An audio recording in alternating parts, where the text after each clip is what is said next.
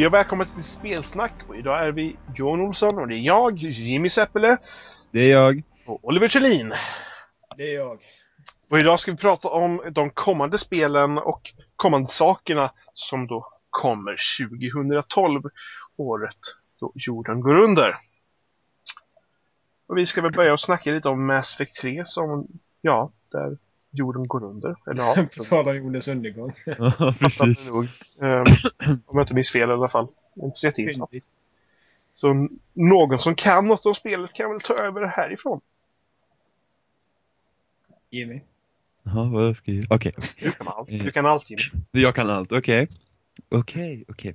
Ja, eh, Mass Effect 3, det tredje spelet i Mass Effect-trilogin. Eh, utvecklat av Bioware, för er som inte vet det. Eh, ja, eh, det Alla finns... vet. Alla vet, ja precis, alla vet vad Mass Effect vet vad det är. Och ni som inte vet, ni borde se till att veta det. Enkelt och bra. Eh, tr- det tredje spelet då. Eh, och eh, det är de här utomjordiska varelserna som man kallar Reapers. Eh, som eh, utplånar hela galaxen. Vad är det typ? Vad är det? Vart 50 000 år eller något sånt där. Eh, som man hindrade i ettan. Och till viss del i tvåan. Och nu har de eh, kommit till jorden helt enkelt. För att utrota mänskligheten först och främst. Precis. Mm. Vi, vi börjar så. Ja, Eh, precis. Det här är nog ett av de spelen jag ser mest fram emot nästa år. Eh, Jag tyckte att tvåan var det absolut bästa spel som släpptes 2010. Ja, lätt alltså. Lätt, alltså det... Eh, jag kommer ihåg eh, ettan var ett av de första spelen jag köpte till Xboxen också när jag skaffade det 2008. Eh, och även fast jag, jag gillade ettan så var det ändå inte liksom... Ja, alltså det var, det var liksom bra men inte så bra så att man liksom känner att ja men det här måste man spela. Sen kom tvåan och då kände man vad fan det här måste man spela. Alltså tvåan är riktigt bra. Så därför, jag hoppas att trean blir riktigt bra. Alltså det man har sett från trailers, alltså jag försöker undvika trailers och sånt eh, till stor del för jag vill inte veta så mycket om spelet. Men det jag har sett ser jävligt bra ut. Jag tycker att de har, de, utav det vi har sett på E3 och sådana grejer förra året, så tycker jag att de har gjort ett bra jobb med att få strider känns mer engaging. Jag och min svengelska, men alltså ni förstår vad jag menar. Det känns som att man är mer en del av det som händer på skärmen. Man kan liksom rulla in och ut i cover och liksom, man kan sprinta och, sådana grejer. Man har för sig Ja. kunnat sprinta förut va? Ja, jo man kunde det Jo, man kunde det i båda spelen. Men Ja, alltså det ser ja, men alltså, man, det ser mycket mer smidigt ut nu tycker jag. Liksom. Precis, combaten verkar blivit mycket smidigare. Alltså från Ja. ettans eh, osynliga tärningar på dina skott på vapnena till liksom trean nu. Liksom. Ja, eh, som för att förtydliga det här med osynliga tärningar. Alltså det var, det var liksom som om spelet räknade ut liksom hur, hur hög sannolikhet du hade bara träffa dig i taget när du sköt på fienderna. Precis. Alltså du, där, du, där du siktade var liksom en sån här liten ring typ och så någonstans där kommer skottet och det var liksom slumpat fram. ja, Så var det inte i tvåan. Utan då var ju liksom skotten... eh, där man De, siktar. de satte där du siktade. Ja, så spelar det egentligen ingen roll eh, vart man siktar ettan. Eller liksom, inte lika, Nej. stor, ja, men inte lika Alltså- stor roll, men... eh, så, Det märktes ju tydligast på snipern tror jag, du vet. Man kunde typ sitta, ha headshot och sen så funkar inte. Ja. Så det var, så de har ju fixat det, vilket, ja. Alltså många, många vill ju ändå att de tycker att bara Bioware bara förstör och tar mer actionvägen med spelet. Men liksom, Jag tycker att det är en bra kompromiss däremellan. ja, jag tycker ändå att de har gjort, jag tycker att de har gjort det bättre, alltså från ettan. Liksom nu, nu har vi inte testat, nu kom det kommit demo på trean. Nu i februari. De delarna som, alltså när jag köpte första spelet så var det verkligen som gambling för att jag är inte så förtjust i rollspel överhuvudtaget. Eh, men eh, jag älskade verkligen första spelet men de delarna jag minns har ingenting med striderna att göra i första spelet.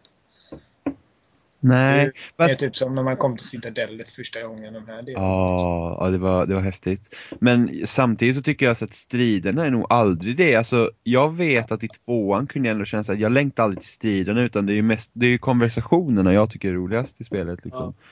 Jo, men i tvåan, alltså i ettan kändes det som att, för mig kändes det som att striderna kom i vägen i ettan. Det gjorde de inte riktigt i tvåan. det Nej, det gjorde de inte.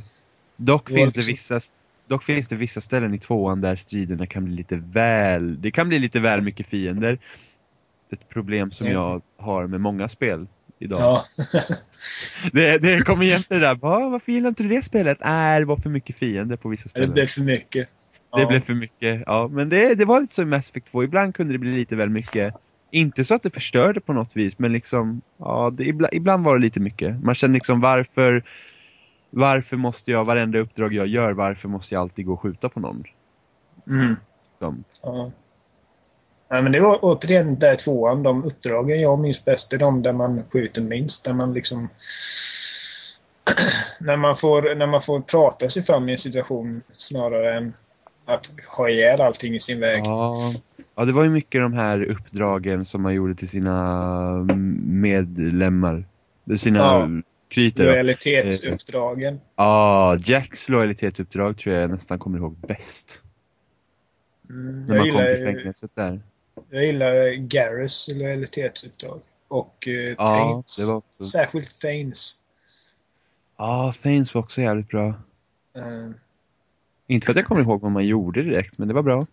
Jag hans- vet att när man var på Garys uppdrag så fick man ju, fick man ju bestämma om man skulle skjuta den han var efter eller inte. Eller något sånt där. var. Ja, det, det är ju där jag känner att Mass Effects styrka ligger. Liksom. Precis. Eh, Ja. Eh, något som vad jag har för mig att de ska göra om nu till trean, det är det här moraliska systemet. Att det ska inte alls vara lika mycket svart på vitt, utan det ska hamna mer i gråzonen liksom. Så att det inte är det vara det Paragon och Renegade? Jo, men det, jo, jo, det ska det vara, men det ska inte vara lika liksom, jag tror, jag tror, jag är inte säker nu, eh, att det inte ska vara lika tydligt eh, hur, eh, hur det liksom ska vara. Då. Mm. Liksom, du vet, i, i, i Mass Effect 2 så var det så, ja men här vet jag, här vet jag att jag är god och här vet jag att jag är ond liksom. Du kommer ju fram den där symbolen.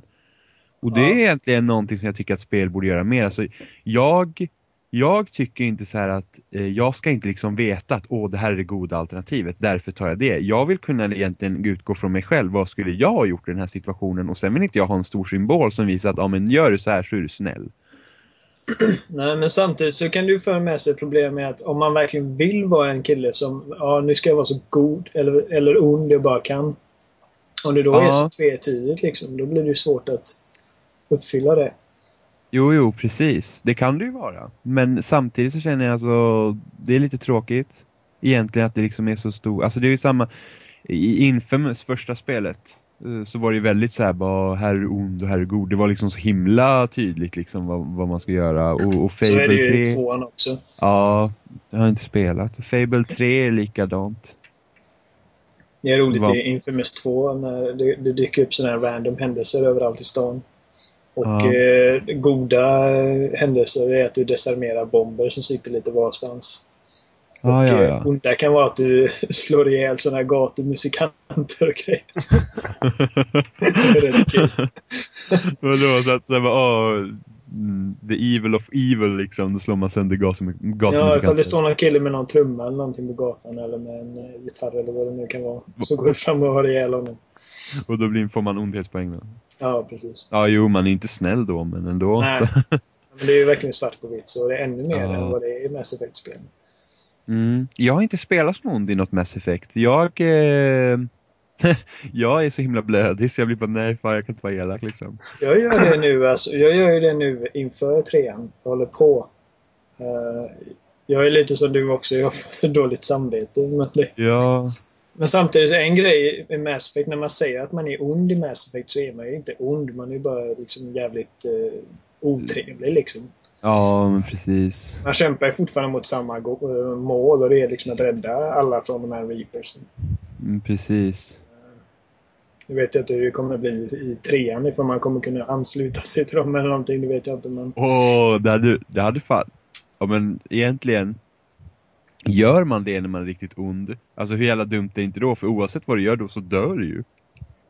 ja, ja nej. nej. men det var en side-note. Men alltså, som sagt, Ja. man är ju inte riktigt ond i Mass Effect-spelen.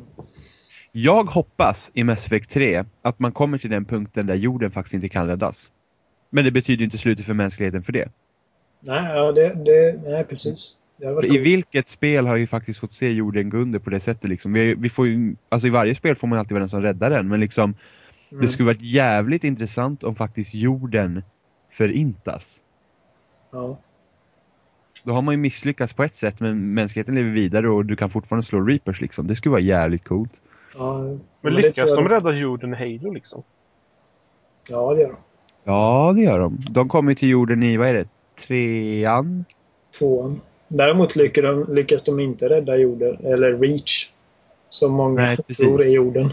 Ja, precis. Det var Reach. Eh, Reach lyckades Nej, inte. Reach blir glasad. Ja. På tal om, uh, om Mass Effect 3, alltså, var det inte något... Sa de inte att man kommer eh, kunna ha ett förhållande med eh, en kille som manlig Shepard? Just det ja, de skulle fixa det att man kunde vara man kunde vara homosexuell på den manliga sidan för första Ja, gången. alltså man, man kunde ju vara homosexuell som kvinna, men inte som man. Precis. Och det tyckte folk var lite skumt. Mm. Ja just det, men det här har vi pratat om liksom. Eh, Men det är, det, som är, det är lite det jag är orolig för, för att jag kommer ju spela som manlig Shepard. Och inte det, att jag, är- inte det för att jag är homofobisk så, utan i Mass Effect-spelen så är det om du vill ligga med någon, då ska du bara vara så snäll som möjligt mot den personen och då kommer det oundvikligen bli så att du får ligga liksom. Jag vill kunna vara snäll mot alla i min crew utan att någon kille kommer att tro liksom att ah, ska vi nuppa? ja, men det, det, var, det var lite kul med, för att i tvåan, alltså jag var verkligen snäll mot varenda kvinnlig karaktär så att min, min karaktär flörtade i princip med varenda en på det där jävla skeppet. Och Ja. så tänkte jag, tänk, tänk Garrus liksom. Eh, Ja. Liksom tänk Garrus, han har varit med, han, har varit med från början och så där går man liksom, ja men Garrus, bra gjort liksom. Det senaste uppdraget var riktigt bra. Han typ bara, ja men du köper, det ska vi ta lite, ja men ni vet. Det blir, det blir ju det blir Helt awkward. plötsligt, helt plötsligt nu i tredje delen så är alla karaktärer helt alltså bisexuella. nej. Alltså det, hade inte varit en problem ifall det hade varit möjligt redan i första spelet. Men nu liksom till tredje spelet så kan helt plötsligt alla karaktärer liksom gänga med vem de vill. Ja men precis. Alltså jag har ingenting emot att det finns jag har inget emot att det finns vissa karaktärer som ska vara bisexuella eller homosexuella men liksom, Nej, verkligen inte. precis som att jag inte har emot att eh, vissa karaktärer bara är straight liksom. Så att, eh, ja, får se. Något hade varit coolt ifall man eh, försöker gå på Garrus nu och bara okej.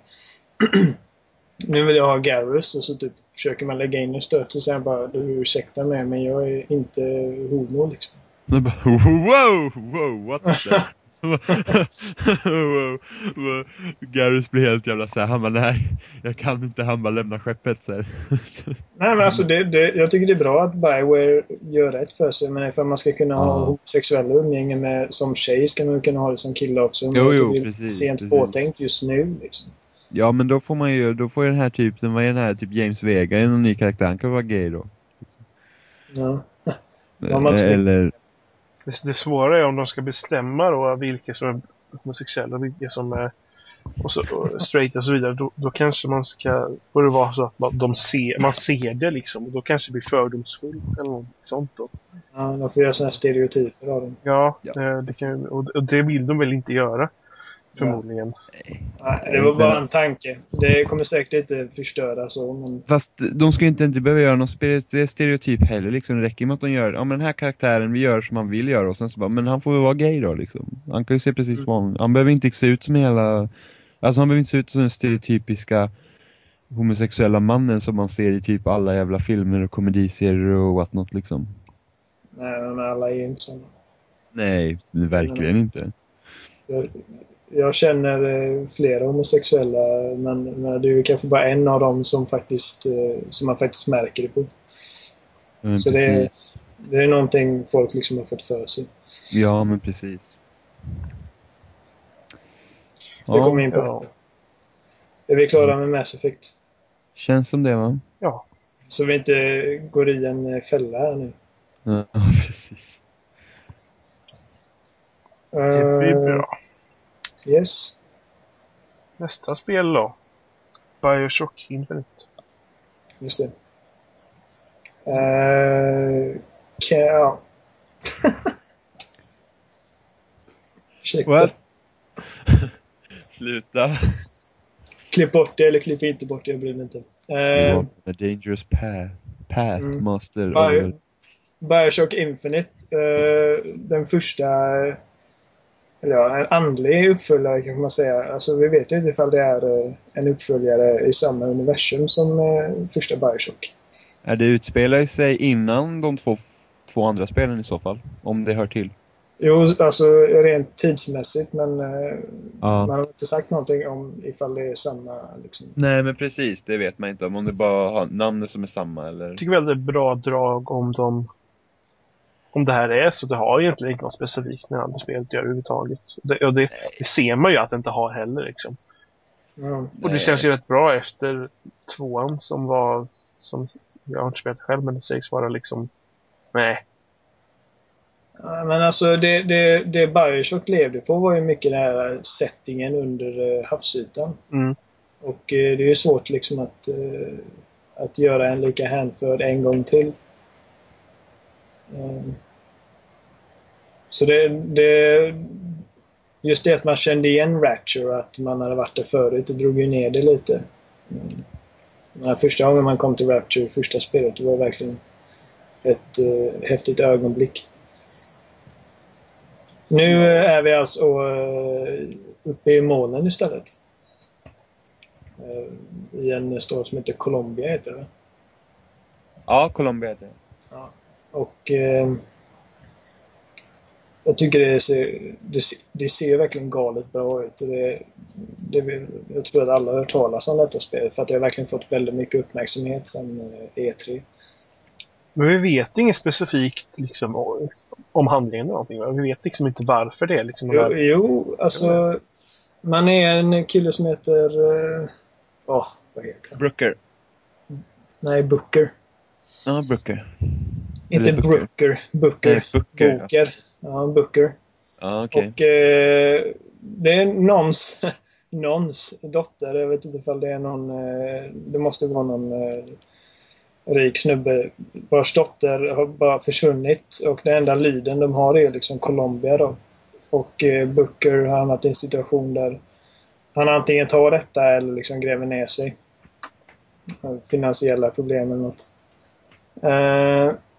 Och så hur han hittar upp till den här staden, det vet vi inte. Det får vi se. Men uppdraget är helt enkelt att hitta den här lilla, lilla, hon är vuxen, men hitta den här tjejen och ta hem henne.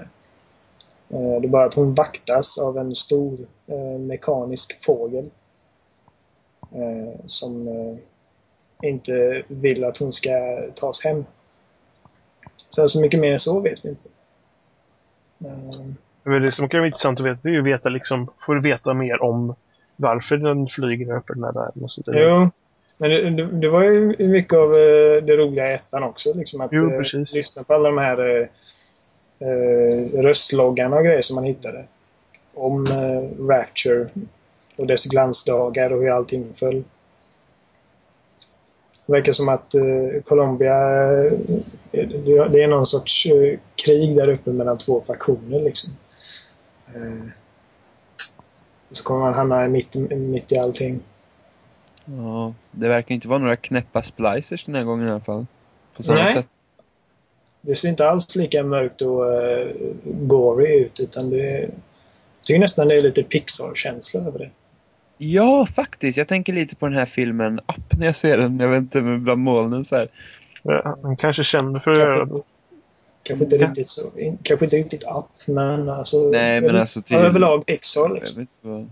De känner väl kanske liksom- för att göra något annat än att göra det mörkt den här gången då liksom. Jo, eftersom men det eftersom känns... det är motsatsen om man säger så. Att det är, istället för att det är nere så är det uppe och så istället för Ja. mörkt så är det ljus. Liksom. Mm. Men eh, de har, det känns som att de verkligen går all in på det narrativa i det här spelet. Eh, dels har de ju gett eh, huvudkaraktären en röst. Eh, och det, det tycker jag är en bra grej. Alltså, den här generationen har vi spelat många spel där man har varit en eh, röstlös hjälte. Och eh, det funkade bra i Half-Life men jag känner att ofta så blir det bara awkward. Ehm, och nu då Dead Space, eh, i Dead Space 2 hade man helt plötsligt en röst och nu i Bioshock Infinite har man en röst och det gör ju mycket. Eh, Eh, och eh, samspelet mellan Booker och Elizabeth, den här tjejen man ska hitta. Det känns väldigt genomarbetat. Jag, så, jag såg någon dokumentär om när de gör replikerna och grejer och eh, det är någon scen där Elizabeth måste... De vill att hon ska börja gråta.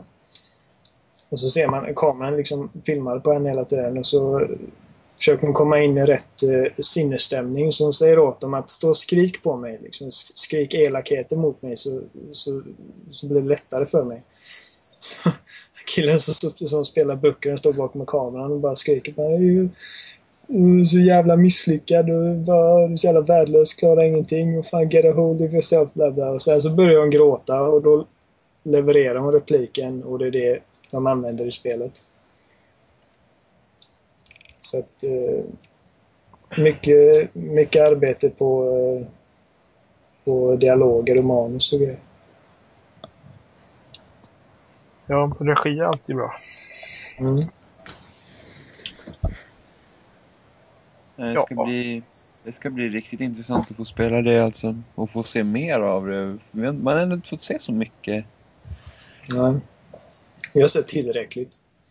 För att eh, vi Ja, ska men- känna på oss att det kommer äga. Ja, precis. Man har sett liksom... Ja, precis. man vill inte se mer heller för man vill inte få reda Mm. på någonting mer. Kanske. Jag, skulle, jag, jag, vet inte, jag är bara sugen på att se mer. Jag skulle vilja testa, jag skulle bara vilja, jag skulle bara vilja känna på det. De kan få släppa en demo och så här. Mm. Jag vill känna på... Ja, det är ju något som egentligen Bioshock 1 var- hade inte jättebra combat. Det kändes lite styltigt. Ja, det är stelt. Precis. Och det Så fixade var- de ju lite bättre till tvåan, men tvåan var tråkigt. Så. Tyckte Tycker jag. du? Ettan, Ja. jag vet inte, kom ettan runt Xbox 360? Det var rätt så tidigt tror jag, eller? Ja, Bioshock var väl Xbox 360 exklusivt i början väl? Eller om det var både PC och Xbox. Jag Ja, inte. kan det hända att det var både och? Ja, det var det. Mm. Kom 2007 i alla fall. Ja, det gjorde Ja, det. det gjorde det. Så, jag menar, då, så det har hänt hur mycket som helst sedan dess. Så det, Ja, men precis. 2007, det var ju första... Det var ju då första Modern Warfare kom ut till exempel. Eh, ja. Ja, första Mass Effect och Halo 3. precis. 2007. Crisis. så Super det, Mario Galaxy. Ja, precis. Men det, så det ser vi fram emot. Och det är samtidigt som att det är ganska tydligt att det är ett Bioshock-spel. Just det här med... Det heter ju inte plasmids längre. Jag vet inte vad det heter. Men de här olika eh, krafter man, krafterna man kan skjuta ut genom handen. Samtidigt som man har ett vapen. Eh, så känns det ändå som en väldigt egen upplevelse jämfört med första Bioshock. Det ska bli kul att testa. Ja. Ska vi gå till nästa spel då? då? Halo 4. Yes. Eh, det första spelet som eh, inte Bungie gör i serien. Om man nu räknar bort då strategispelet Halo Wars. Eh, nu är facklan överlämnad till 343 Industries som består av avhoppare från Bungie och massa andra, Konami. Och, ja, det sägs ju vara ett riktigt dream team. Precis. Alltså teamet handplockades i princip av Microsoft för att starta studion liksom. Mm. Och eh, Halo 4 fortsätter eh, på Master Chiefs eh, berättelse efter Halo 3. Eh, och eh, jag personligen är väldigt nyfiken på att se eh, vad, hur, hur storyn kommer fortsätta. För jag menar nu Covenant är ju i princip uppbrutet efter Halo 3. Eh, man allierar sig med eliterna och eh, profeterna har blivit tystade. Eh, nu- Jag tror inte alla ringvärldar har inte förstörts tror jag. För om vi spoilar slutet på trean då, så, så är det väl det att han fastnar i skeppet i en slipspace som teleportering väl? Och halva skeppet Ja. åker vidare medans eh, hans halva, Bara fortsätter ut i intet liksom. ja precis. Ja. Vi får väl lov att spoila det, du är ändå eh, fem år gammal. Så. Eh, och Mm. Så ha- han är, tanken kan ju vara det att han är så långt bort så han är bortom, bortom kartlagda rymden som människan har kartlagt. Så då kan det ju Ja, vara vad som helst i precis som man stöter på. Ja. Men alltså om man kollar på den om man kollar på den första trailern så ser det ju, alltså, och de konceptbilder man sett så ser det ju ut som Forerunner-teknologi han åker in i. Mm. Och för mig, som- för mig som inte är jätte-Halo-bildad, vad är det? Eh, Forerunner är väl de som... Eh, Forerunner var väl de första som slogs mot... Eh, vad heter de? Monstren. Flood, ja. ja. Forerunners byggde precis. eh, Halo-ringarna Precis. eh, för att utrota Flood. precis. Och så då i, i samma veva så utrotar de allt liv i hela galaxen va? Och de sparade DNA, s- eller någonting sparade de så de kunde plantera in nytt liv på de planeterna sen. Och, är det de är som det är gjorde, det- är det de som gjorde Cortana? Nej, Nej. Det andra? Cortana är gjord av människor. Nej, ja just det. AI nu ska, hittar de ju i den där uh, informationsbanken Jaha, i Reach.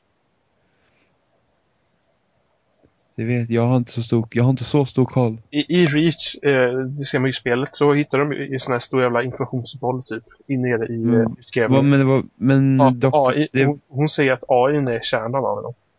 Aha, men är det inte Dr. Halsey som har gjort Cortana? Det vi ser ja. Och hennes röst, rösten och uh, utseendet av henne är modellerade. Ah, ah, ja, okej. Hon, nu- hon gjorde liksom frontenden. Liksom. För Jag, tror inte, jag tror inte den kunde engelska.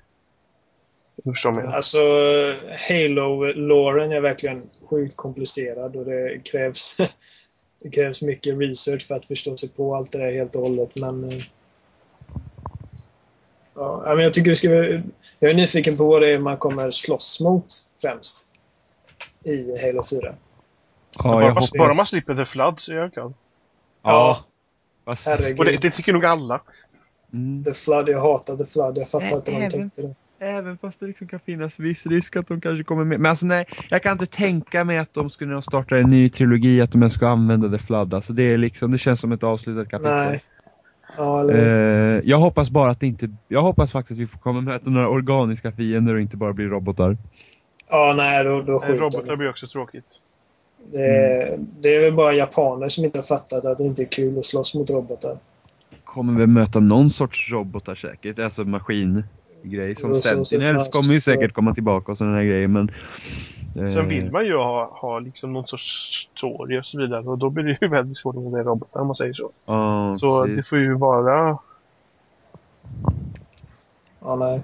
Alltså vi kan bara spekulera men det ska bli intressant att se. Och sen tycker jag, jag är nyfiken på, för även om, även om jag verkligen hoppas att de ställer, håller sig eh, trogna till kärnan i vad det är som gör Halo roligt att spela, så hoppas ändå att man implementerar lite nya grejer. Samtidigt kan jag inte riktigt säga vad det är jag hoppas på att de ska göra, men i alla fall någonting för att hålla det fräscht. Alltså jag kan ju säga så här att eh, bara de berättar historien bättre än vad Bungie lyckades göra för att de eh, de blev ju bättre på det från Halo 1 liksom till Halo Reach men det är fan luddigt på många ställen alltså, det känns som man måste Ja. spela om spelet flera gånger för att förstå allting liksom. Ja, Matrix-syndromet. Men det alltså, Det de har ju verkligen en eh, rik och eh, intressant bak, bakgrundshistoria men den, den får ju liksom inte ta tillräckligt mycket plats i spelet. Mm. Precis. Men jag, jag tänker på saker, för det var någonting jag läste att de började Halo 4 under tiden de grejade med Reach. Alltså under tiden... Ja, alltså Under- 343 har ju, Ja, har ju utvecklat... 343 började med Halo 4 eh, ungefär liksom när de håller på med Reach. Vilket Ja. betyder att om jag för mig så är det det att Halo 4 kommer inte ha Reach-motorn utan Halo 4 kommer ha eh, Halo 3-motorn eh, trimmad av 343. eller 343. Det vet, Jag, jag, jag för mig, jag läser någonstans. det vet jag inte eller om de har liksom hjälpts åt med Reach mot de båda två och båda använt sig av dem. Det, det, jag, jag kan faktiskt inte säga säkert men För alltså mig jag skulle inte tro att de skulle använda Halo 3-motorn. Nej, men att jag för mig att, jag för mig att de, de eh, var tvungna att eh, trilla vidare på någonting själva eller någonting sånt bara för att de kunde inte ha Reach-motorn då för att den var inte färdig eller någonting och de var tvungna att börja. Jag hoppas att de har kokat ihop något själva. Alltså. Ja. Att, eh, även om eh, utseende och sånt inte är allt så bidrar det verkligen till den här fräschheten. Liksom. Jo, jo, alltså Halo Reach kändes ju... Halo Reach kändes ju jävligt fräscht till utseendet alltså. Ja. Det är, alltså, även om folk inte riktigt eh, vill se det så är det ju ändå ganska stor skillnad mellan Reach och Halo 3 och det ser man ju främst när man går tillbaka till Halo 3 nu. Ja, Man har verkligen. spelat Reach en del. Verkligen. Ja, men förutom single player så är det ju multiplayer också. Ja. Och eh, ja, jag vet inte, vi kan bara Så spekulera. där- där. Där känns det egentligen som de behöver ändra så jävla mycket för att Halo, det är så himla mångsidigt i sin multiplayer. Ja. Så att det känns som att det kommer liksom, det känns inte som aldrig samma liksom. Alltså Halo Reach och, både, och Halo 3, alltså det, alltså det finns så sjukt mycket grejer man kan göra. En Halo-match går aldrig riktigt på automatik på samma sätt som en Battlefield-match eller en Call of Duty-match gör. Nej, verkligen inte. Det känns inte bara... Alltså, både när man spelar Call of Duty eller Battlefield, då känns det alltid, ja men så här gör jag typ varje match. Man går dit, man går så, man försöker gå den vägen. och det. Halo blir aldrig så. För att Halo beror så mycket på motståndet också. Du kan liksom, ja men visst vi går till Rocket Launcher för att den måste vi ha, men det blir ändå aldrig likadant match efter match. Nej. Det känns Jag ändå kan, jävligt... jag kan fortfarande sätta mig med det och spela. Alltså, och fortfarande ha jättekul med Halo Reach. Alltså. Och fortfarande Ja. förvånas över hur bra det håller sig. Ja, det är, så, det är så jävla bra. Det jobbiga jag känner då som köpte Halo Reach väldigt sent är att det är alla map packs och hit och dit och höger och vänster som man måste köpa och för att, Det är lite slarvigt utfört. Ja, för, alltså för de att få den bästa upplevelsen och sånt. Och, Precis, och de begränsar ju vissa playlist med mappacksen alltså. Och det, även om det var typ, om det var jul eller någonting, att det var typ rea, att man kunde köpa pack för halva priset, så är det fortfarande att de kostar rätt mycket. Och jag måste skaffa poäng innan jag köper dem. Och hit och dit och höger och vänster, så det är... Och Just det, map Ja. packs är från men- helvete. Precis, och där känner jag ändå att, där kan jag faktiskt säga att det är något som eh, Infinity War gjorde bra med Modern Warfare 2.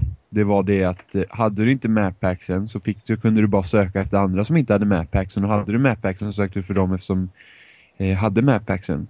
Vissa tycker det att det är dåligt då för att då delar man ju upp communityt liksom. Men jag känner liksom att ah, du ska inte liksom känna sig att du ska tvingas att köpa mappacksen för att kunna spela på varenda spellista liksom. Nej. I så fall släpp banorna gratis då. E- Eller liksom, eller gör som Gears, Gears när de släppte det första mappacket där så fick vi ju så fick de eh, som inte köpte, de fick ju banorna gratis men vi som hade betalat för det fick lite andra skins och lite andra grejer liksom. Karaktärer. Vi kunde spela, vi kunde ju spela på eh, Horde och sådana grejer. Precis, vi fick liksom hårdgrejer som inte de fick men de kunde i alla fall använda banorna i, eller liksom köra banorna i multiplayer och det tycker jag ändå är schysst. Ja. Eh, för att då, då delar man inte upp communityt och det liksom skulle jag egentligen vilja att de ska göra med det här senaste mappacket också de släppte men det ser inte ut att bli så.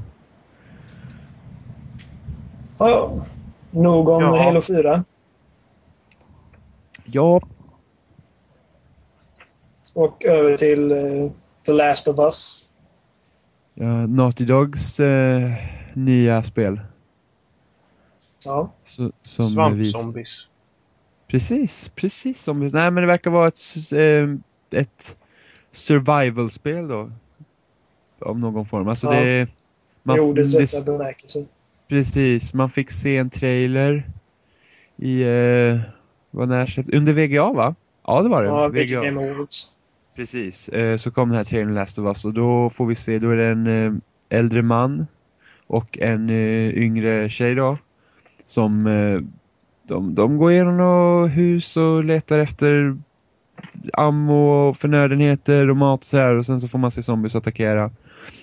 Eh, och så får man se någon eh, st stad som är övergiven och igenvuxen av eh, massa träd och, och, och gräs och sånt där.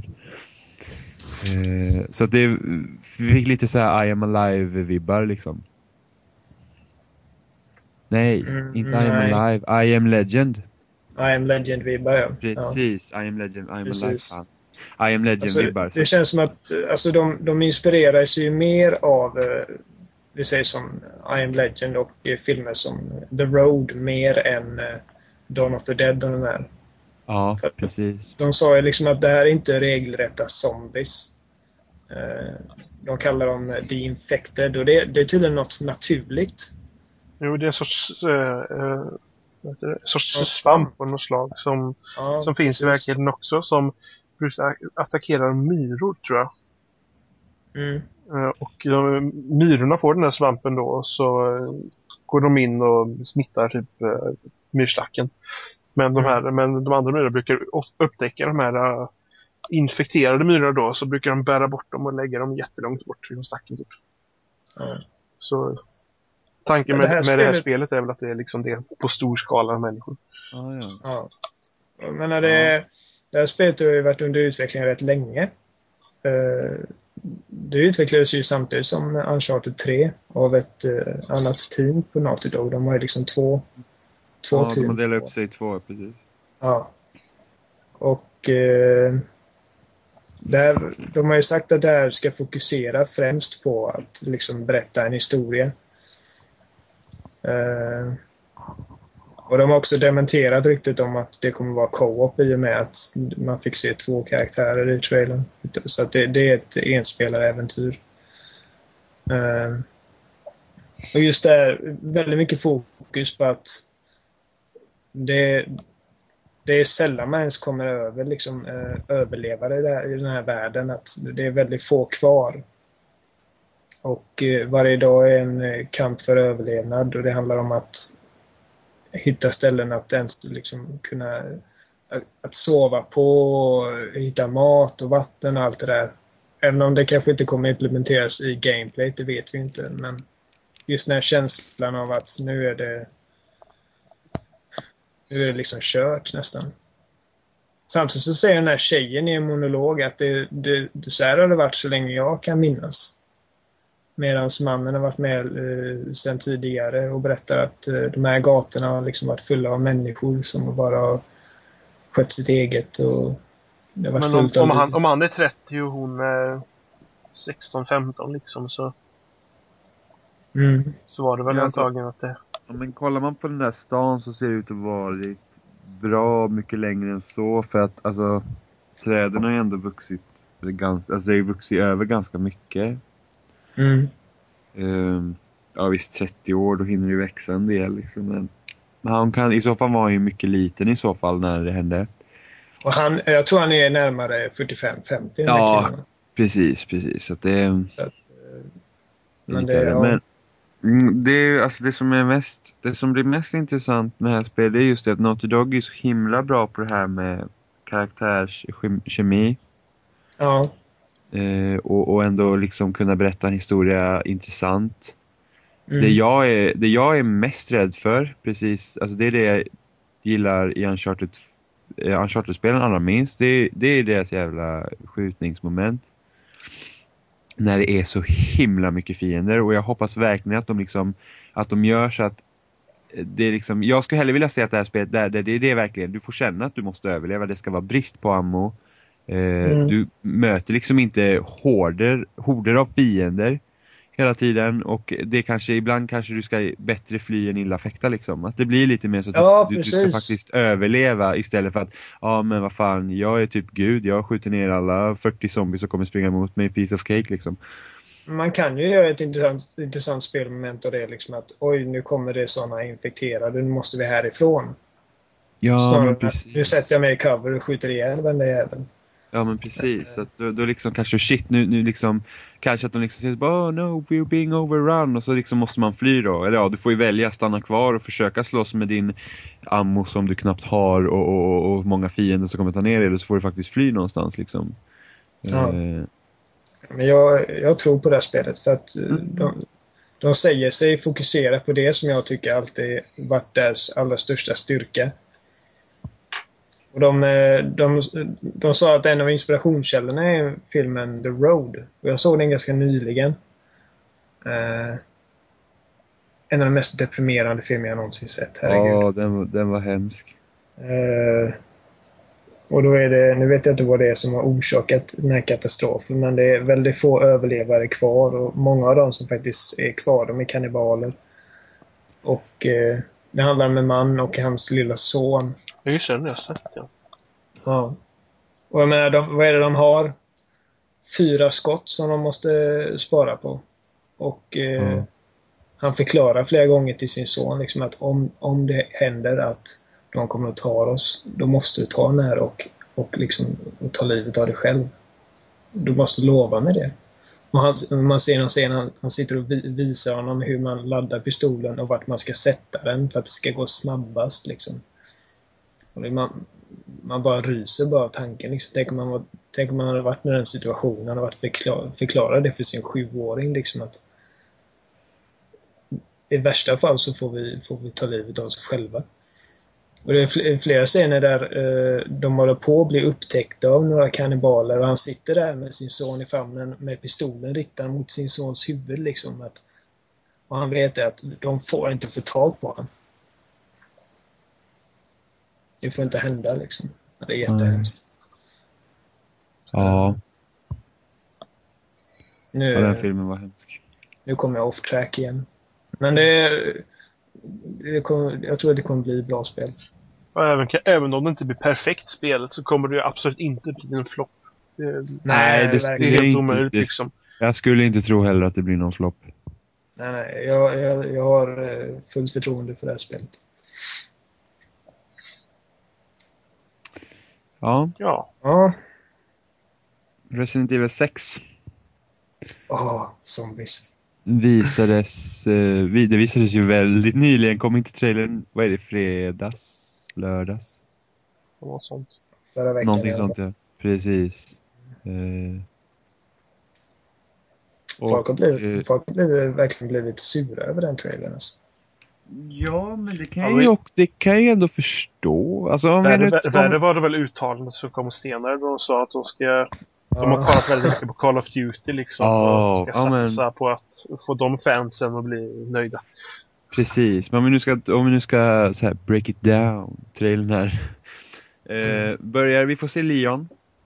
Eh, vi får se vanliga zombies.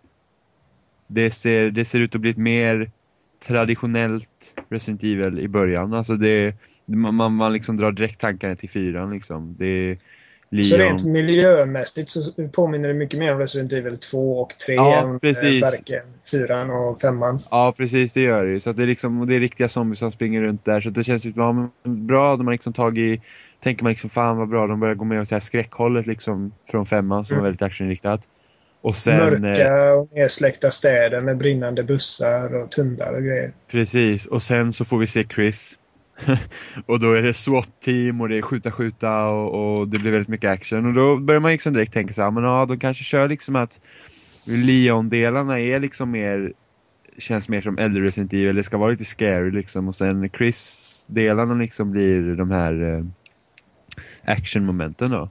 Mm. Och sen så får vi se den här nyheten om att ja ah, men eh, femman sålde så himla bra så vi kommer fokusera på mer på action-delarna för att vi vill att de som spelar Call of Duty ska spela Resident Evil. Och då förstår jag ju att liksom sådana såna som är riktiga fans av liksom Resident Evil 1, 2 och 3 och kanske liksom tyckte att 4 gick lite i fel riktning och de som verkligen inte gillar femman då, då, då, då, då blir man nog ganska sur. jag tror att då- folk läser alldeles för mycket in i det här uttalandet. Det kan det också vara, men jag skulle ju heller inte tro att, att, att Resident Evil 6 inte kommer innehålla sån action som vi såg i femman. Nej, men alltså så här är det ju. Alltså, Modern Warfare 3 och Modern Warfare-serien överhuvudtaget säljer mest av alla spel. Eh, det är inte så konstigt att folk vill ha över dem. Nej, Spelarna till sig. det, det är inte som att säga åh Capcom vad ni dåliga, utan det är ju helt förståeligt liksom. Eh, Resident Var- Evil 5 har sålt bäst av alla Resident Evil-spel och det är även det som är mest actionbetonat. Så det, alltså, man vill ändå sälja spel. Men Ja. De gör ju inte spelen för att vara snälla. Alltså, de måste ju Nej. driva in pengar liksom. Men Och sen, eh, jag tycker att femman var ett bra spel. Det, Som cool. men det, ja, det var helt på, på helt egna meriter liksom. ja, men sen, eh, sen måste man ändå ta i akt liksom att om vi kollar liksom hur är spelklimatet idag och hur var det liksom när Resident Evil 4 släpptes och hur var det när Resident Evil 1 släpptes? Alltså, eh, spel har ju blivit så himla mycket större också. Ja. Nog för att det är lättare att sälja ett actionspel än vad det är att sälja kanske ett survival horror-spel så, eh, så har ju ändå liksom branschen har ju ändå blivit så, så himla mycket större. Och därför är det fler som köper, därför kanske det är fler som köpte femman än som kanske köpte fyran eller kanske köpte ettan just för att branschen har blivit större. Ja. Men, Men just liksom, det- Det, återigen det här med Call of Duty-uttalandet. Men vi kommer inte springa fram och tillbaka med bara och knifea ihjäl folk. nej, vi nej, men, att... nej precis men det är det att Nej. då går man ifrån det som gjorde Resident, de första Resident Evil-spelen riktigt bra och går liksom mer åt femmans håll. Liksom, Mm. och det blir en, det, de liksom, det, det som Resident Evil-serien har liksom stått, med, stått för från början finns inte kvar liksom, förutom zombiesarna. Och, och en odödlig Wesker och tentakler liksom. Det, Jag, jag älskar första spelet. Eh, Jag, jag har inte spelat igenom första, alltså originalspelet. Jag har spelat igenom remaken till GameCube och jag älskar verkligen det spelet. Ja, alltså jag tyckte, alltså ettan var ju verkligen skitläskig. Alltså, alltså, alltså verkligen, och jag, jag i och för sig, jag är lättskrämd, men ettan var verkligen läskig. Eh, Mm. Jag spelade det när jag var liten, alltså jag kommer ihåg min eh, kompis eh, från när jag var liten, han hade ett Playstation. Och vi satt och spelade Resident Evil 1, då var då sex år kanske. och jag hade sådana mardrömmar när jag spelade det spelet. Och sen så sen köpte jag också remaken till GameCube och jag satt med en annan kompis och vi var så jävla rädda. Alltså verkligen, alltså vi var verkligen jätterädda. Och sen så köpte vi också tvåan och även tvåan var ju läskig liksom. Fyran var ju mer små creepy och femman var ju fan inte läskig för fem öre. För jag var bara stressad. Men alltså, Resident Evil-serien har ju sakta men säkert rört sig från att vara skräck till lite mer action. Men tvåan är inte alls lika creepy som ettan är, tycker inte jag. Och eh, Nej. trean är inte lika creepy som eh, tvåan är. Ehm, men som jag sa förut, jag älskar eh, första spelet, men jag tycker ändå att Resident Evil 4 är det bästa i hela serien. Även om det inte är lika läskigt som de andra spelen. Jag menar, folk, folk, blir så, folk blir så sura, men jag tycker ändå Resident Evil 6 är ändå ett steg i rätt riktning. Det kan inte vara ett steg i fel riktning. För jag menar, femman så var det verkligen non-stop action från början till slut i soldränkta miljöer. Medan nu i sexan får vi riktiga zombies. Zombiehundarna är tillbaka. Vi har någon Nemesis-liknande grej som jagar oss runt och uh, det är mörka miljöer. Jag menar, det, det är ju mer ett steg i rätt riktning den här gången än vad det var förra gången.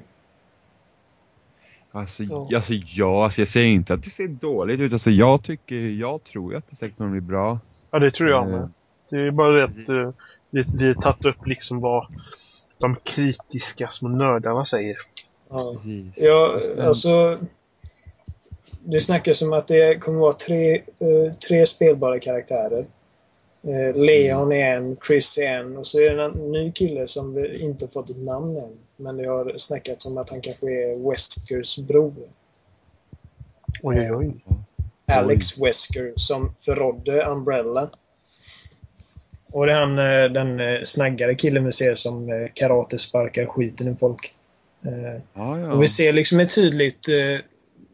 Vi ser tydliga skillnader på hur de här spelarna, eller karaktärerna spelas. Leon har att göra med de här zombiesarna. De slänger sig på en. Eh, Chris slänger sig in i cover och skjuter folk och de skjuter tillbaka. Eh, så där har vi lite mer det här liksom Call of Duty då vi snackar om.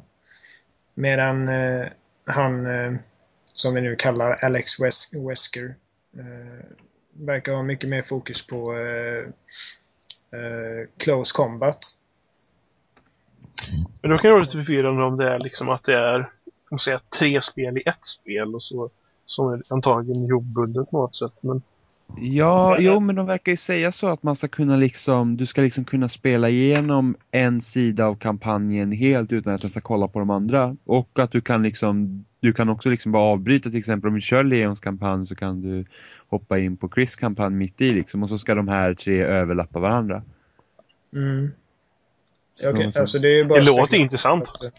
Precis, fast ja i och för sig. Fast jag är lite så här att ja, jag, eh, jag skulle hellre ha gjort så att vi kanske får köra typ två uppdrag med Leon, sen får vi köra två uppdrag med Chris och sådana där grejer istället för att liksom att ja, men då får jag köra liksom från början till slut, sen måste jag börja om och köra till slut och så bara se sidan från andra vinklar. Jag, Tycker nog jag. hellre, jag ser ju hellre att allt det här är en, olika Precis. delar av samma kampanj snarare än att det ska vara tre minispel i ett. Liksom. Precis, det tycker jag också. Eh, men Även fast tanken är god liksom.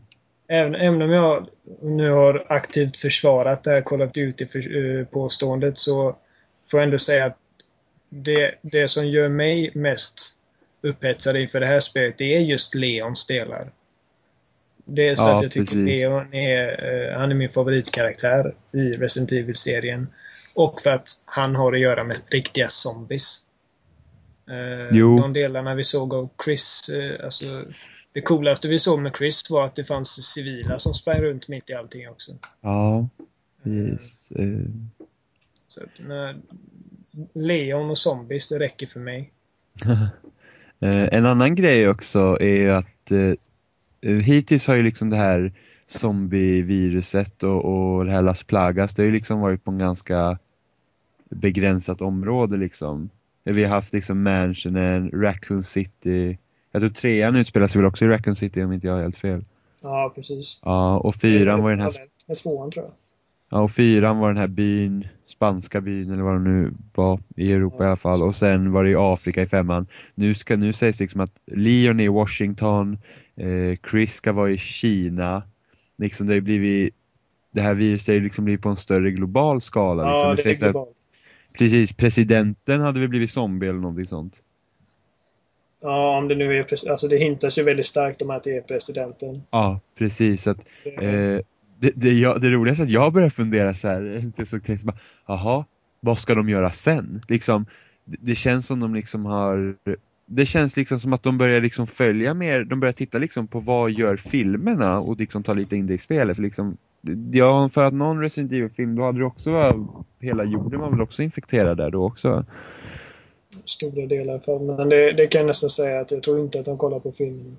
Nej, men det känns det inte, men, jag de inte nej, men det känns liksom, kolla lite, ja men nu kör vi det också globalt liksom, om du förstår vad jag menar. Jo. Det, det är liksom, jag börjar bara tänka, ja, men hur skulle Resident Evil 7 se ut då liksom, om, om, om, om viruset har spridit sig överallt nu? Vad kan man göra sen?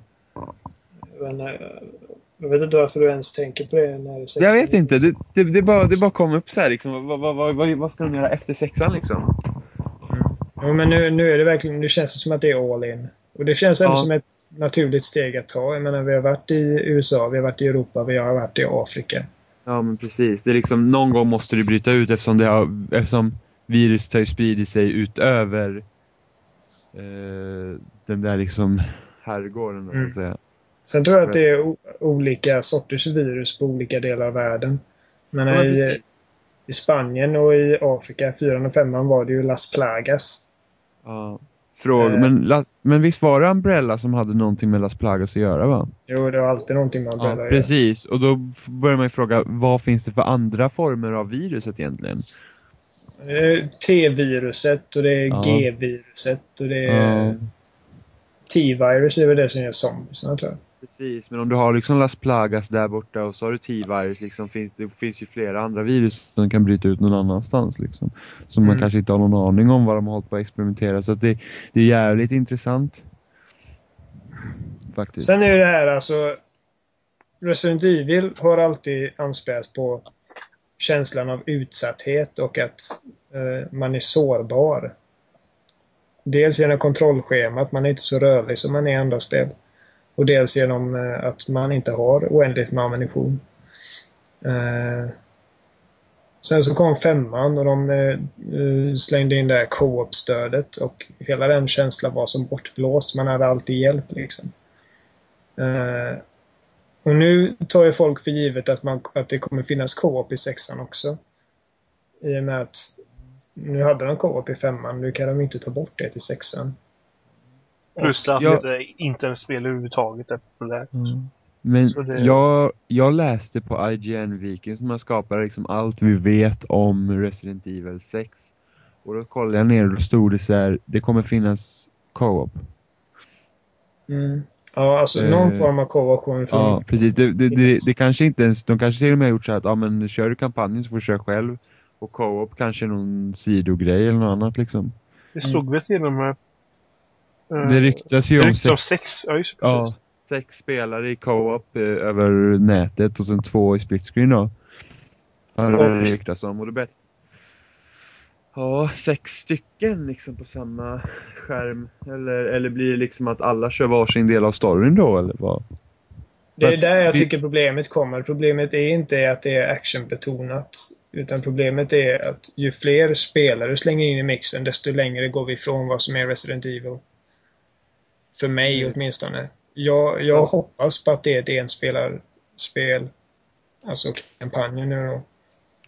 Eh, för att eh, annars, annars har man alltid sin kompis där som kommer att rädda en ifall det går åt helvete. Liksom. Jag, jag gillar den här känslan av att vara ensam och utsatt.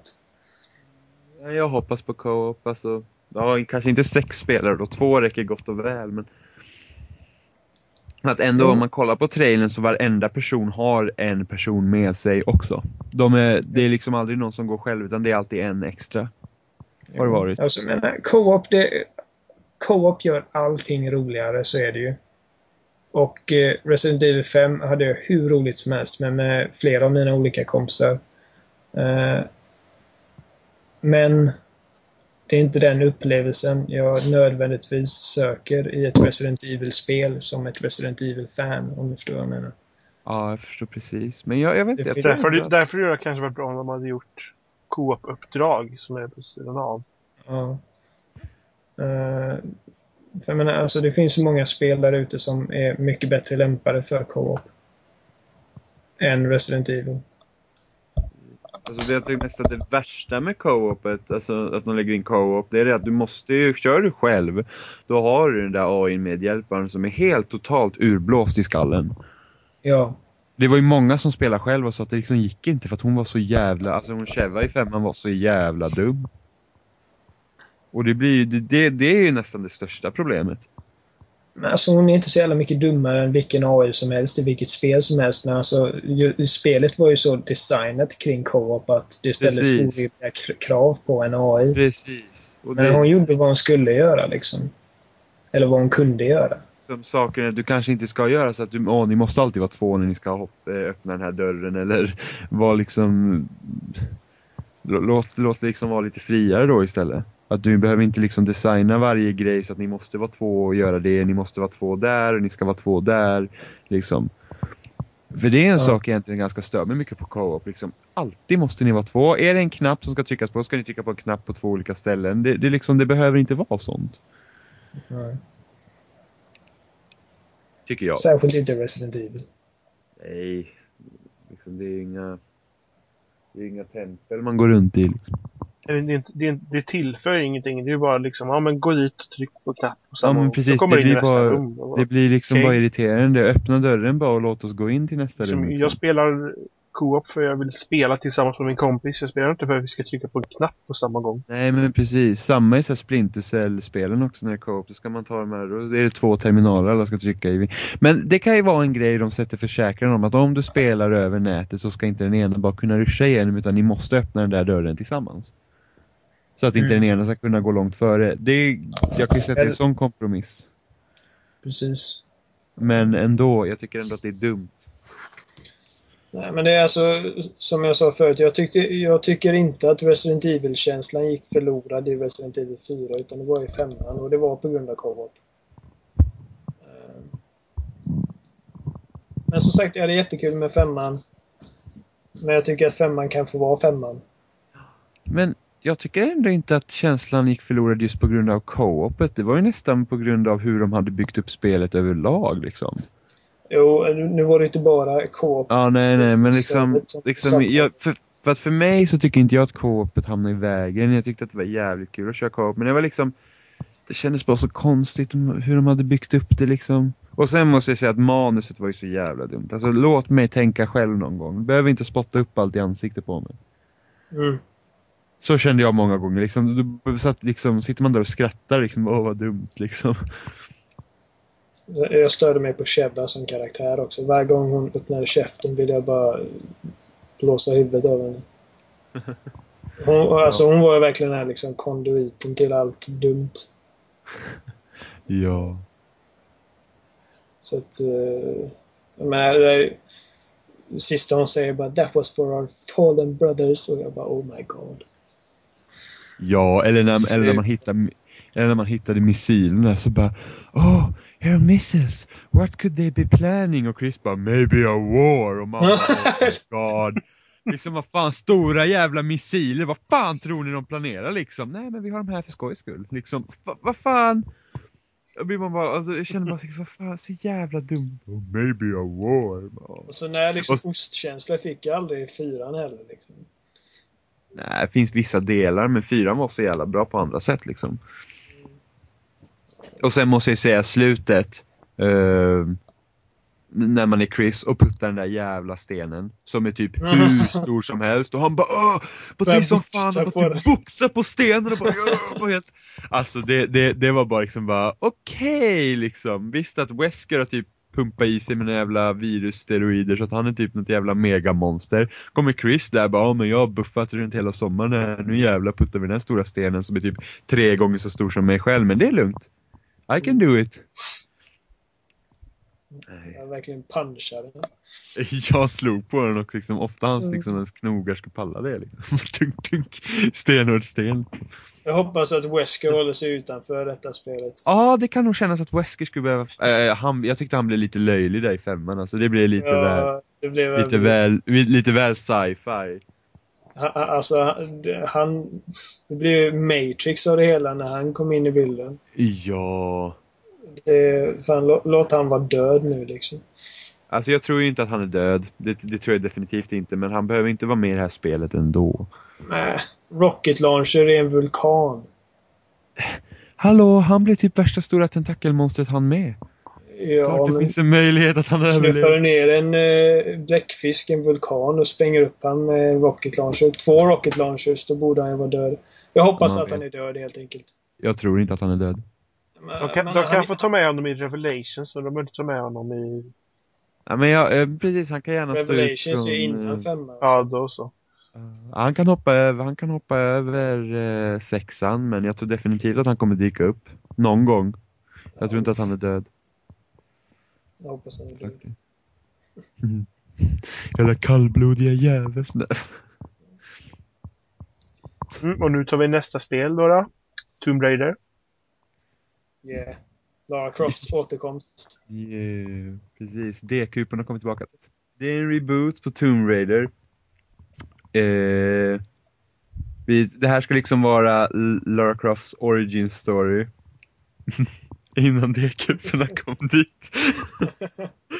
Nej, okej. Okay. förlåt mig. Men alltså, det ska vara, det är alltså hennes origin. Det här är liksom innan hon blev den här hjältinnan som hon blev. Eh, man har inte fått se så mycket från spelet. Vi vet att hon har blivit skeppsbruten på en ö. Eh, och hon eh, ska försöka överleva helt enkelt där. Blir tillfångatagen, hon flyr med quicktime event. Så det... Ja, de verkar ha kollat mycket liksom på Uncharted tycker jag ändå. Det, det vi såg av E3-demot, det verkar liksom... Okej, okay, nu var det ett E3-demo så att det lär ju säkert vara hårdare regisserat där än vad själva spelet kommer bli sen skulle jag tro. Men de har ju kollat liksom ditåt. Sen eh, så vet vi inte hur spelet kommer se ut mitten av spelet. Det där verkar Nej. vara tidigt i spelet. Precis, det där verkar ju vara det där verkar nästan vara precis i början. Sådär. Ja, det första man gör liksom. Ja, precis. Och jag tycker ju att spelet ser, det vi har sett ser väldigt, alltså det får mig att vara väldigt intresserad. För det första när, alltså, när de första så här artbilderna släpptes, alltså jag blev liksom wow, det ser liksom, alltså art direction var snygg. Alltså jag blev helt så här, oh det där spelet ska jag hålla koll på. Och jag har aldrig brytt mig om Tomb Raider. Lara Croft ser ut som en människa för en gångs skull. Precis, nu är inte hon... hon, ser ut som, hon, hon ser ut som en riktig kvinna. Ja, precis, nu ser hon normal ut. Ja. Eller ja, hon är eh. fortfarande galet snygg så sett, men alltså... Ja, jo, jo, hon ser ju normal ut. Det är liksom ja. normala proportioner där det ska vara normala proportioner. Ja. Eh, så, precis. Och det verkar liksom vara mycket mer, liksom, hon verkar vara mer liksom mänsklig och eh, det verkar vara, äh, det verkar vara riktigt bra. Och vad jag har hört Alltså det är, jag, jag vet inte om det stämmer men det sägs liksom att den här ön ska vara fri för utforskning och vissa ställen kan du liksom inte komma vidare till för du behöver vissa gadgets som du får senare i spelet vilket gör att det, det, det liksom, man får lite Metroid-vibbar över det hela. Och det verkar ju jävligt lovande. Lite Arkham... Arkham... Ja, kan vara lite så här, lite Arkham eh, Asylum City-känsla där också. Ja. Eh, och det, det jag hoppas på, att det här faktiskt blir ett riktigt ordentligt äventyr som, som jag egentligen skulle vilja att Uncharted-serien skulle vara. Istället för en jävla skjutslafsfest där man typ dödar tusen pers på en genomspelning och bara yeah. Utan liksom att eh, mer pussel, mer utforskande och mindre skjuta fiender. Det hoppas jag att det här spelet blir och jag hoppas verkligen att de lyckas eh, göra ett riktigt, riktigt kanonspel. Det verkar ju vara en rätt öde ö med några läskiga folk. Så jag tycker inte, det borde inte finnas hundra med, eller hundra, hundra folk skjuta liksom.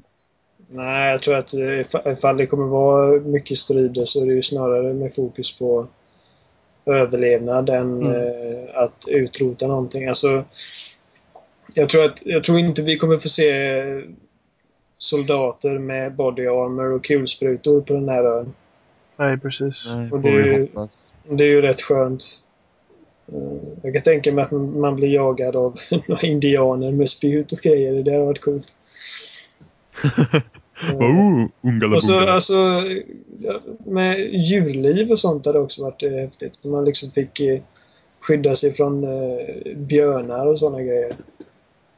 Det, det har ju funnits redan i eh, gamla Tomb Raider-spel. Man har till och med Björn. fått... Ja. Björ, björnar på en tropisk ö. Ja, nu, vet jag, nu vet vi inte hur tropisk den är. I, i, isbjörnar alla lost. Ja. Oh my god. Har du inte sett Djungelboken?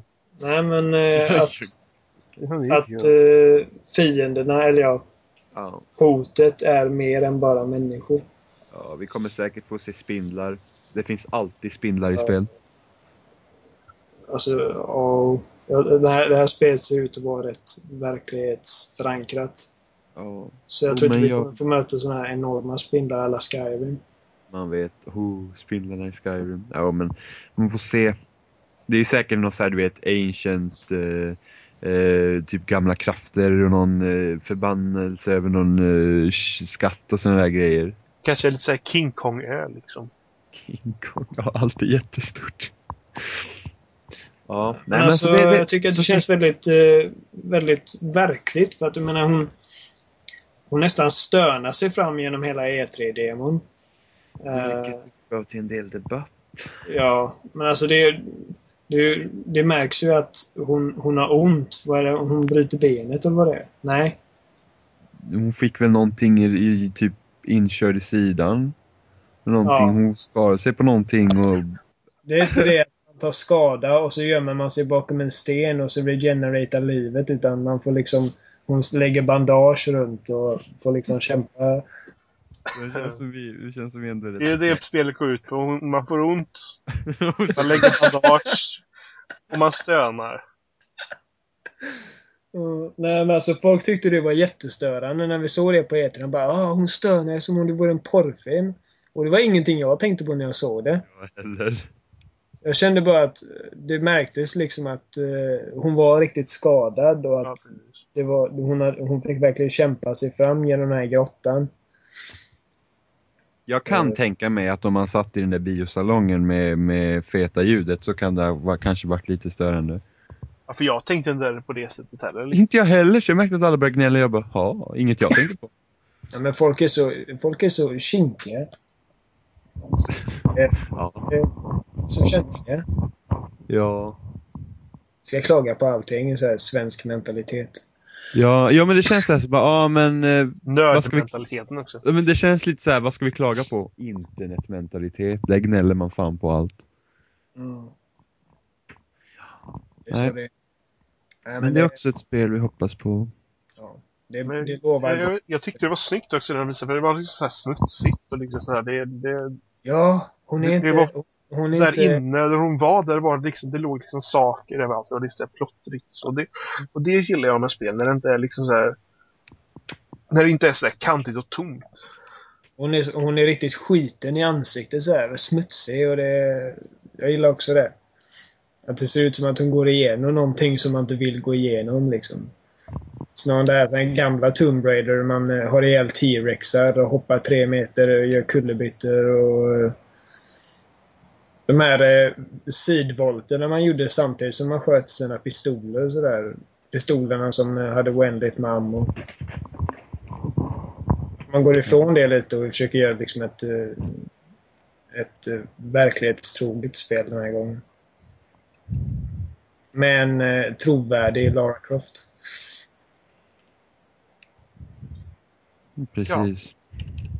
Mm.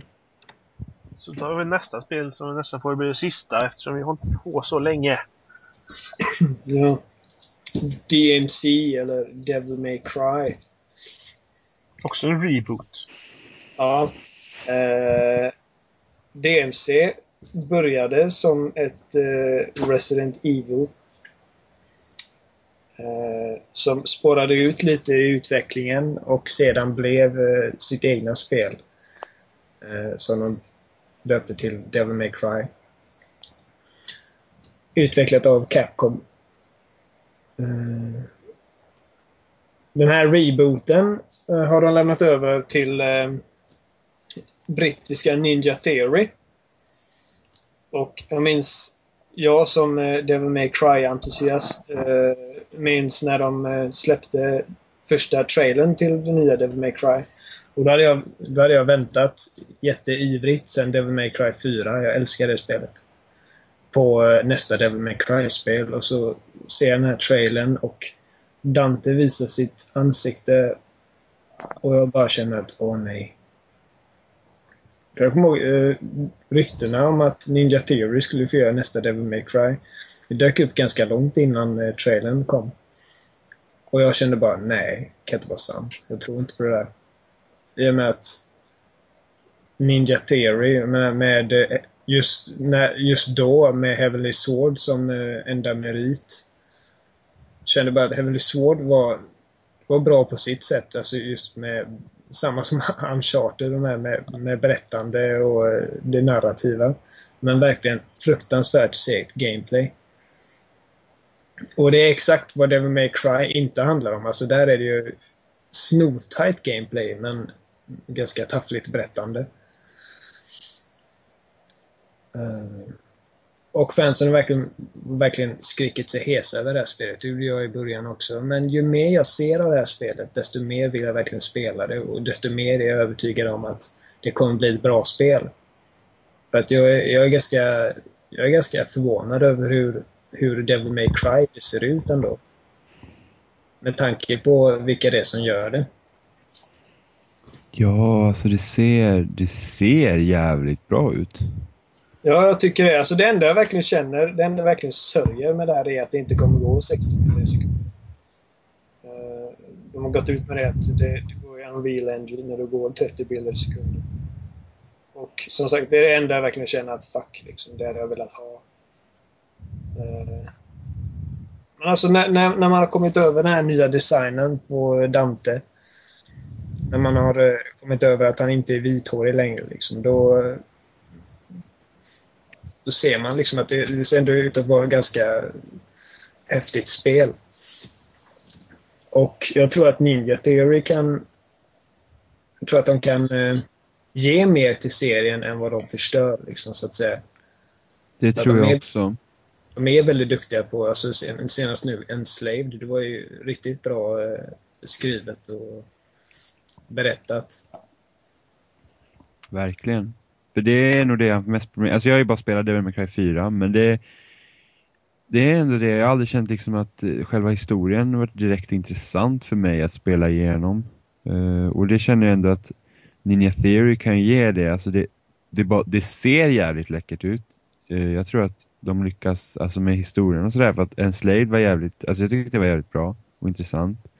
Jag tror de kan lyckas med det i nya Devil May Cry också. Sen har de ju haft hjälp av eh, Capcom Ja, alltså de arbetar ju eh, ganska nära med Capcom. Precis, så att gameplayet ska bli så bra som möjligt. Och då känner jag att då har de tagit det två liksom, de har tagit liksom två positiva grejer och slagit ihop dem liksom. Så det kan bli det kan bästa faktiskt bli det vad serien precis, det kan bli precis det vad serien behöver liksom. Men alltså det, det som grundar det som grundar sig i beslutet att reboota den här serien är för att de vill ju nå ut till fler människor. Mm. Japaner har ju liksom svårt att sälja sina grejer här i väst. Mm. Eh, till, eh, till ganska, i ganska stor omfattning. Så jag tror att det här är liksom vad serien behöver för att nå ut till mer människor. Eh, Precis. Och jag är övertygad om att det kommer vinna eh, några nya fans. Det kommer de göra. Ja. Jag menar, japaner har alltid varit... Alltså det, de, de, japaner är bra på att göra gameplay. De är inte lika bra på att eh, designa spel så att det, så att det tilltalar en, eh, spelarna i väst också. Så om, eh, vad som Jimmy sa, att när man arbetar så nära med Capcom så, så har man liksom det bästa i två världar. Så det... Det är mycket att hoppas på. Mm. Jag, jag gillar premissen där att eh, Dante slits mellan två dimensioner. Just den här verkliga världen och limbo där demonerna är, så att säga. Och att eh, demonerna övervakar den verkliga världen. Eller ja, verkligen. Våran värld. Eh, och att staden i sig självt i limbo vill ha, Dan, liksom, vill ha ihjäl Dante. Liksom, vi ser någon sekvens där han bara flyr ifrån eh, väggar som försöker ha ihjäl honom och eh, golvplattor som flyttar sig för att han ska ramla ner i, eh, i en svart avgrund. Och, ja, jag, jag, jag tycker det ska bli jätteintressant att se vad de har tillfört till serien. Mm. Det ska bli intressant. Mm. Så att eh, jag tror inte att Devil May Cry kommer ju förmodligen inte bli bättre än alla de andra spelen vi har tagit upp idag. Men Devil May Cry är lätt det spelet jag är som allra mest sugen på att få testa. Liksom, som jag är mest nyfiken på. Ja, det ska bli jävligt intressant att känna hur det, hur det känns. Mm. Jag tycker det ser bra ut. Det, det gäller bara att det känns bra när man spelar också. Mm. För det, det kommer jag ihåg när jag skulle köpa Bayonetta. Jag var lite i val och kval där. Uh, och när de släppte det demo och man fick känna på det så bara fan det här måste jag ha liksom. Mm. Ja men alltså jag, jag, kan absolut tänka mig att de släpper en demo. Mm. Det känns som att det, det, är någonting de behöver göra. Dels för att vinna över de gamla fansen som tvivlar på det. Precis. Och dels för att nå ut till nya. Och det är väl rätt vanligt nu att släppa en demo. Ja. Så. Jag menar, Devil May Cry 4 fick en demo. Och... Eh, men de har ju sagt i intervjuer liksom att de, de är självsäkra på sin egen produkt. Det, bara, det enda problemet är att de kan liksom inte förklara det för fansen. De måste få testa det själva. De har ju sagt det vid flera tillfällen att eh, snälla ge oss en chans liksom. Det bästa sättet att eh, ge spelarna att ge dem nej, ge spelarna chansen att ge dem en chans är att släppa en demo. Så att, eh, ja, jag, jag, tror på det i alla fall. Och det, då är jag ändå ett gammalt Devil May Cry-fan. Ja. Det ska bli spännande. Mm. Ja, det blir nog bra. Ja, då är vi väl klara för den här gången. Så ses vi igen om ett par veckor